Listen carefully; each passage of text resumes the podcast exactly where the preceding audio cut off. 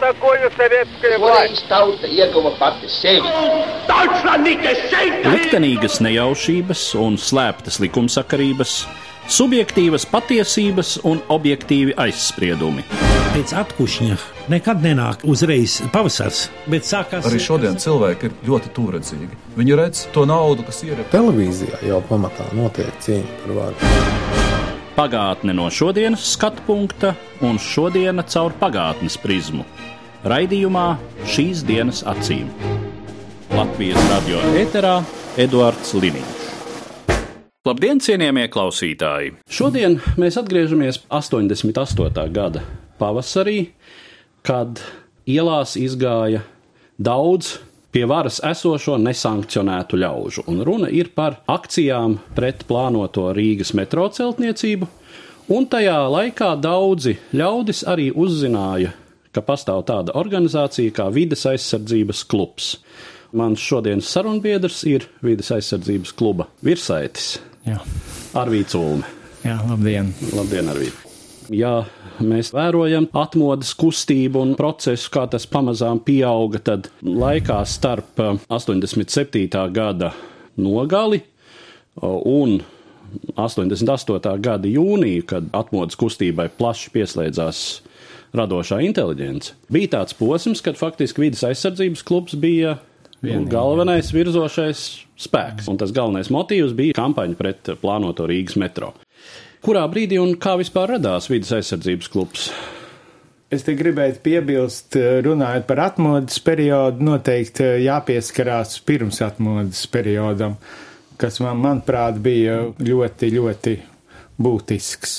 Un Imants Ziedonis veidoja savus grupas, tāds ozola atbrīvotājs, un tajā laikā bija izveidojis tāds radošās jaunatnes klubs, un mēs jau 85. gadā jau pirmās eh, talkas pie, pie baznīcām, pamestām atstātām baznīcām. Katrā vietā, kur aizgājam, atceros Annieku baznīcā jau vai tajā pašā tērvets vai mēs dziedam, mēs tur kapus kopam, krusts liekam augstu un vietējie. Tad pāris cilvēki tā panāk tuvāk, kamēr beigās kāds atnes kādu maizīti vai ko, ja. Tas tāds ļoti lēns un smalks process, kamēr viņi tomēr ierodās un viņi saprot, kad var nākt. Komjaunatnē tas nepatika, jo uzliku krustu Vānza baznīcā, ar to arī kā tā radošās jaunatnes tāda pusoficiālā būšana beidzās. Tad nāca tiem radošiem pieslējās klāt, kā mēs saucam, darošie. Un vajadzēja reāls arī, kas pa tiem jumtiem un torņiem tur kāp. Un, un tad nodibinājām paši sev nosaucam par pieminekļa aizsardzības talks centru pats. Un tikai 87. gadā, pateicoties Gorbačovu tām visām būšanām, izdevās mums legāli tramvaju trolejbusu pārvaldes namā nodibināt vidas aizsardzības klubu, kur pēc mēneša arī viņu mums no turienes iztrieca, bet mēs jau bijām pieteikuši pirmo mītiņu par tīru gaisu pie VF kultūras pils. Un tas bija 87. gadā iziet ar tādiem plakātiem. Tas bija tāds liels izbrīns visai, visai nomenklatūrai. Kāda bija vidas kluba saistība ar citām šīm grupām, organizācijām? Nu, runājot, piemēram, tiem pašiem Helsinkiem, ja jūs pieslēdzāties viņu demonstrācijām, kas bija tāda vēl 87. gads, kas mm. bija pats pats sākums, un pret kurām varas iestādes vērsās diezgan konkrēti. Helsinkieši neveidoja masu organizāciju, jo viņiem zināmā veidā bija tā problēma, bailes no ziņotājiem, kas tur var iestāties Helsinkos masveidā. Mūsu domas sanāksmēs ieradās viņa pārstāvji un teica, ka tad un tad tikos un tikos mm. viņa darīs. Tas nebija tā uz emociju vai kā skaidrs viņa pasākumi bija tur, un mums bija jābūt nekā vakam, bet kā viņējiem jāieplūst. Tad bija pragmātiski, lai neteikt, mēs tur vaks riteņbraucējiem traucējam, ja vai ko. Bet tieši, ka tie ir helsinkieši sasaukt cilvēki. Tas ne, nebija, netika arī nevaktajās domas protokolos nofiksēts, ka tur ir jābūt, bet, nu, bija vēlams tie, kam bija, aiz kur bija VFA cilvēki, aiz kur bija kaut kādi jau simts, un tiem bija pateikts, lai viņi vāc maksimāli uz to konkrēto stundu un minūtu cilvēkus. Helsiņķiešu grupa jau bija faktiski daži cilvēki, un ja nebūtu vaks pie tā pieminekļa bijuši, viņas jau tur noslāpēt. Mēs organizēt tur bijām, mums bija sadalīts, kur būs tie 50, kur būs tie stāvēs, ka, kas sargās viņus jau. Mm -hmm. Un tad viņi Bastei kalnā pulcējās, un Jā. mēs aplencam, lai viņas tā kā neaizvāc. Un tie visi, kas tā laika fotografijās, ja viss bija viduskluba biedri, jo tajā laikā tā neorganizēt no malas ziņkārības pēc nemazam tā nenāca cilvēki. Tagad par to metro būšanu tā kā tādu gandrīz kā šovu, nu, metro demonstrāciju, bet faktiski tas jau ir bijis daudz gadu darbs pirms tam, lai varētu cilvēkus apvienot un sasaukt, un lai viņi nebaidītos un sanākt kopā. Viens iedrosms pulciņš, kas sāka iet, pievienojās nākamie, nākamie, un tā viņi izvērtās no tādām masveida, nu, pirmajām patiešām, kad mēs zināmā mērā arī parādījām savus muskuļus. Bet es tikai gribēju teikt, ka tas patiešām bija bija daudz gadu rezultāts. Mūsu talkās gan tērvetē, gan citās vietās vietējā pašvaldība nu, aizliedz vietējiem piedalīties visādā veidā, un, un tas bija ļoti interesants laiks, bet katrā tajā talkas vietā palika savs pulciņš. Mans uzdevums bija pēc iespējas vairāk apvienot pulciņus, uh, vispār vispirms izveidot. Pēc iespējas vairākās vietās tādas pulciņas, kuri nebaidītos sanākt kopā bez kompartijas atļaujas talkā Un tālāk izrādījās tas brīnišķīgākais instruments, kādā veidā varēja sasaukt. Ar tālku dabīgi arī būtu pa maz, ne, bet tajā laikā tā šausmīgi nāk tur kāds baznīca vai kapus kopt vai kāds senvietas vai svētvietas, bet uh, mums bija atkal tas ārkārtīgais radošo potenciāls. Un tad bija šajās izmazgātajās baznīcās, mēs rīkojam nakts koncerts, tur ieva akurāte dziedāja un Un Haralds Sīmanis interesē vietējiem šie radošā, ar viņiem kopā pabūt un dzirdēt, kā viņi dzied, palas dzējojas.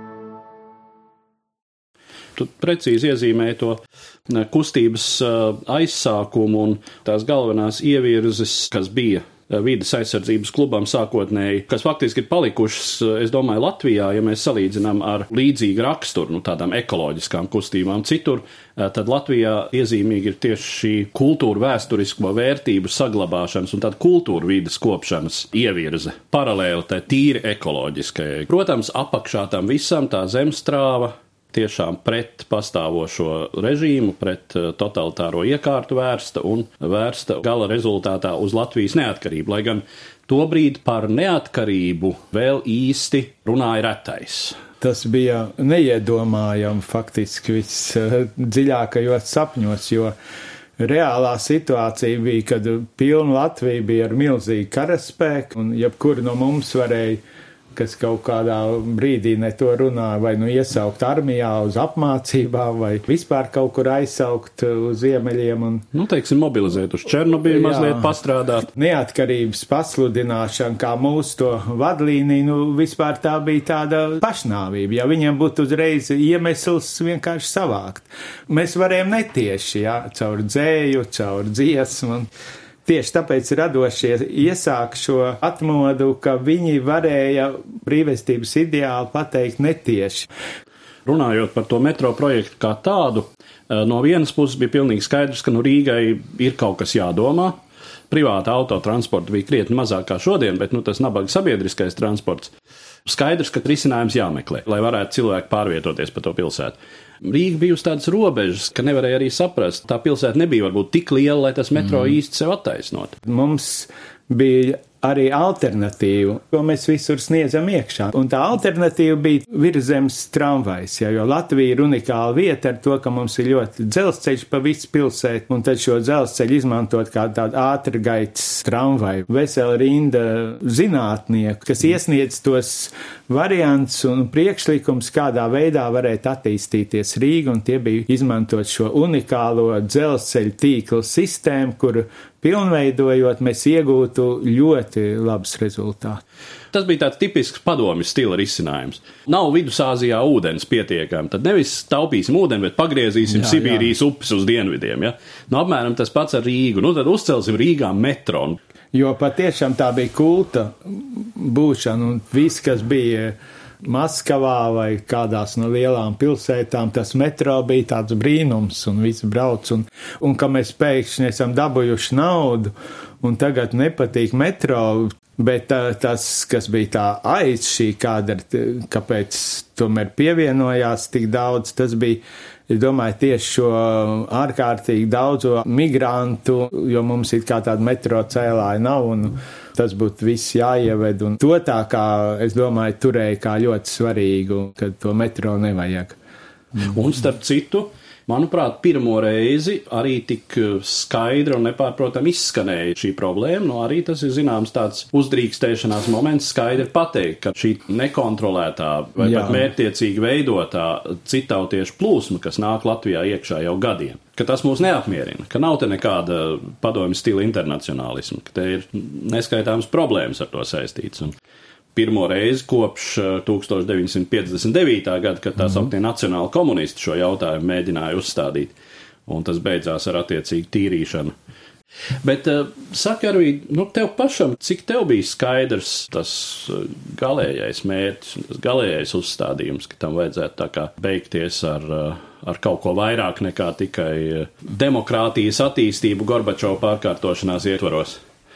Jā, patiešām es biju arī tāds uh, Gandija fans. Un uh, kaut kādā ziņā es jau, kad uh, iestājos poligrāfijas mākslas skolā, uh, pa iespiedēju, tāpēc, es lapiņas drukāt, nevis, lai es vienkārši kļūtu iespiedējis. Man bija tā ziņa vai vēstījums, kad mums tagad galvenais vajadzētu pēc iespējas cilvēkus atraisīt no šīm bailēm, jo viss šīs reformas vienmēr pārauguši represijā. Es ļoti skaidri apzinājos. Reformas Krievijā vienmēr pārvēršas represijās, un tās represijas varēja gaidīt jebkuru dienu, un vai līdz tam laikam, kamēr ir šīs Gorbačovs tāds aizseks mums, mums jau bija tikai Gorbačovs aiz muguras, mēs būtu savākti tur jau Bet kamēr ir šis Gorbačovs aizseks, tad pēc iespējas vairāk pamodināt, pamodināt, pamodināt. Tālāk, kas bija pirmais, otrais jau, ka mēs varam mītiņā iziet un, un paliekam vēl otrā dienā, kā saka, esam vēl mājās. Tad pamēģinājām arī, arī šīs demonstrācijas. Un metro demonstrācija tā nebija tikai rīcinieku rūpe vai sanākšanas vieta. Bija ļoti daudz atbraukuši arī no citām pilsētām. Tas jau bija tas, tas brīnums, ka nebija, nebija šī informācijas pieeja, ja ne, ne presē, ne, ne radio, nekur. Bet tos cilvēkus sasaukt pa kaut kādu mistisku ceļu. Piemēram, kad uz to slogas demonstrācijā braucu, es iekāpu vilcienā, un es nesaprotu, kas pa lietu, ka tik milzīgi bari, vai kāds vilciens izlaiž, vai kas. Man prātā neienāca, ka viņi brauc uz mūsu demonstrāciju. Izkāpa ārā, viņi arī viss kāp slokā. Tādā ziņā tas, tas ir tāds fenomens, ko man pat grūti izskaidrot. Ja paskatās metro demonstrācijas fotogrāfijas, te bija Ulds Briedz bija dienā, kad Te redz, ka tur ir jaunieši, kam vēl nav bailes. Gorbačov jau tas laiks, pašiniciatīvas un aktivizācija, un vēl bija tur ļoti daudz bija pensionāri, kam vairs nebija bailes.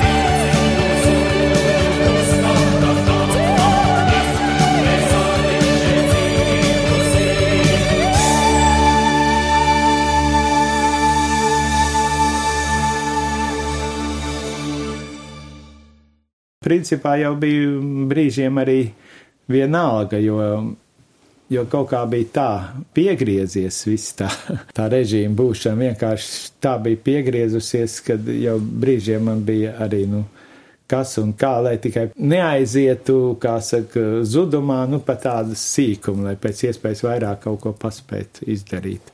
Un tad, kad man dzējoņus drošības komitejā vilkt no seifa par lietu, kas līs pār sarkanām pļavām, tad es sapratu, ka faktiski arī tā pretējā puse tur nebija tādi naivie, kur domāju, nu šī te tā cilvēciņa patalko un padzied. Faktiski viņi arī saprata, bet kaut kādīgi tajā brīdī tā drošības komiteja ar to Gorbačovu laiku arī bija tāda, kā tādā neziņā, ko īsti darīt. Kādi bija tavi konkrētie kontakti ar uh, represīvajām iestādēm tajā brīdī? Cik tu izjūti viņu klātbūtni? Kā tas viss izpaudās? Dabīgi, ka tajā laikā, ja kāds kaut ko ne tā runā vai ne kaut ko drošāk pasaka, tad jau skatījās, vai tikai tas nav ziņotājs iesūtīts. Un tad es e, nostādīju dažas lietas ļoti kategoriski. Ja kāds man teiks par kādu, ka tas ir ziņotājs, tad es zināšu, ka ziņotājs ir viņš. Ja? Jo par ziņotāju var tikai čekists zināt, kurš ir ziņotājs. Dabīgi, ka man bija mehānismi, kādā veidā es Nu, ļoti vienkārši, piemēram, es pasaku, eh, lai dzird trešā persona, lai dzird, ka man ir rītdien tur Čiekurkalnā trešā šķērslīnijā eh, jāsatiekās ar trimds latviešiem, ar to pietika. Un ja es aizēju uz to trešo šķērslīniju un es redzu, ka sekoja, tad es zinu, ka tā informācija tur ir nonākta un es zinu, kurš to pateica. Bet tas arī absolūti neuztrauc. Ieroči nevācam, neko tādu nedarījam.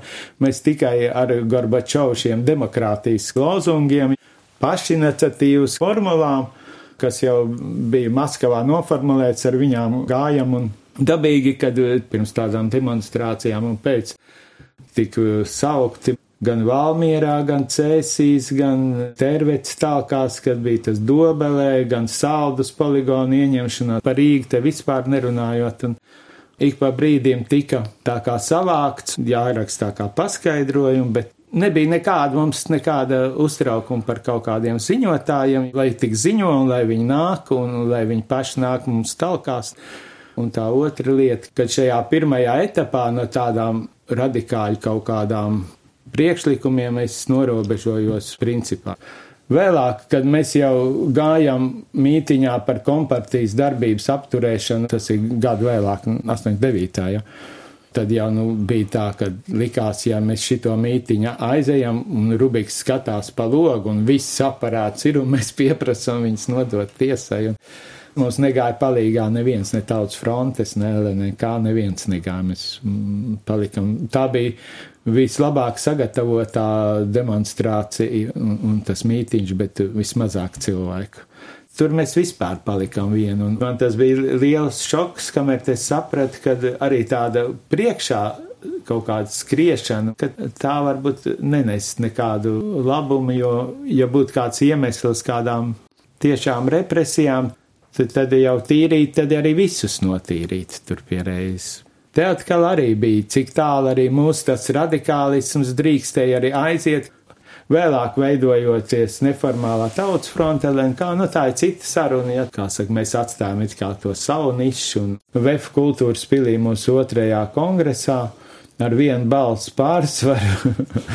Atceros, it kā bija neizšķirts, bet mēs tur tūkstoši pilna tā milzīgā zāle un iedomājas ar kaut kādu vienu balsu pārsvaru, kad eh, mēs neejam politikā vidus klubs. Jā, faktiski tas ir tas, ar ko mēs arī gribētu, teiksim, iesākt mūsu sarunas nobeigumu par vidas kluba tālāko likteni pēc šiem atmodas notikumiem. Jo, nu, jāsaka tā, ja kāds domātu par to, kāda būs Latvijas pirmā neatkarīgā valdība, ja par to domātu 88. gada beigās, varētu spriest, ka otrā vai trešā lielākā partija būs zaļie, ka Latvijai varētu būt ārkārtīgi spēcīga zaļā kustība politikā, kas īsti tā nerealizējās. Potenciāls, kāds bija vides klubam, netika konvertēts tādā konkrētā politiskā darbībā, neatkarības atjaunošanas procesā un pēc tam. Ar viens balss pārsvaru tika nolēmts politikā neiet. Arkādijas parkā arī vienā no sēdēm nodibinājām to zaļo partiju, un kurai tad zināmā mērā būtu tā, tā zaļās politikas tā niša un, un viņas nešana.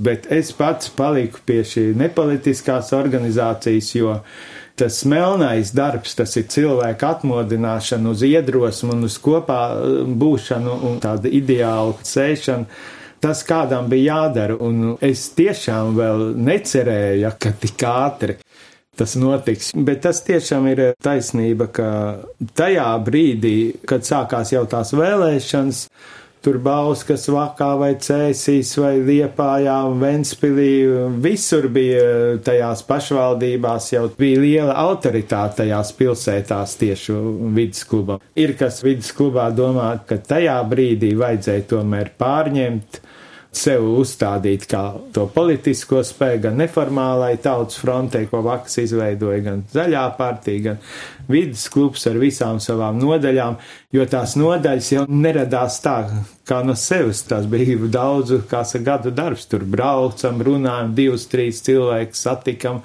pa kaut kādiem senvietas, svētvietas, sakopšanu, kā dabas pieminekļi. Tikai vienā brīdī viņi tā kā sprādziens varēja rasties. Nu, nezinu, lai, lai izšķir vēsturi, bet es joprojām palieku pie tā. Bet, nu, pie, kā piemēram Turīns, viņu uzskata, tas bija izšķirošā kļūda, un līdz ar to mēs zaudējam. Es nezinu, es tomēr domāju, ka pareizi darīju. Nu, vai tam mums trūks politiķu? nu jā, tas ir, protams, jautājums par to, vai, vai Vaks būtu spējis padarīt Latvijas politiku labāku, būdams šīs politikas sastāvdaļa, vai būtu pārņēmis visas šīs politikas iezīmes, tā skaitā sliktākās, kļūdams par politisku organizāciju. Nu, droši vien, ka šobrīd vēl tiešām par agru vēsturē spriest par šo jautājumu, bet um, Kas eh, šobrīd ir vidas aizsardzības klubs? Uzdevums ir eh, joprojām tas pats, jo tas galvenais piesārņotājs ir cilvēks ar zemu morāli. Faktiski vidas aizsardzība ir morāls problēma, un zināmā veidā mums joprojām sabiedrības apziņas mainīšana. Tajā laikā bija tieši tas pats, bija jāmaina sabiedrības apziņa. Un tas pats uzdevums ir šobrīd, ka arī jāmaina sabiedrības apziņa tajā laikā vai nu mainīsies sabiedrības apziņa, vai arī mēs paliksim tādu režīmu vergi. Un šobrīd vai nu mainīsies sabiedrības apziņa, vai nu mēs savos atkritumos nosmaksim. Un zināmā veidā tas pats uzdevums un tās pats formulas iesaistīt radošos cilvēkus pēc iespējas apvienot kaut kādos labos darbos, jo situācija Latvijā tādā morāls aspektā, kas ir pamatā piesārņošanai, joprojām ir diezgan dramatiski. Tas pats jādara. Jāapvieno cilvēki, jāsasauc, jādod iespēju viņiem kļūt labākiem, un vienīgā iespēja, kā kļūt labāk, ir darīt labus darbus. Man atliek, man atliek tikai eh, novēlēt tev varēšanu un lai veicas. Es pateicos par šo sarunu vides kluba virsaitim Arvīdam Ulmem. Paldies! Paldies. Par pagātni sarunājas Eduards Līniju.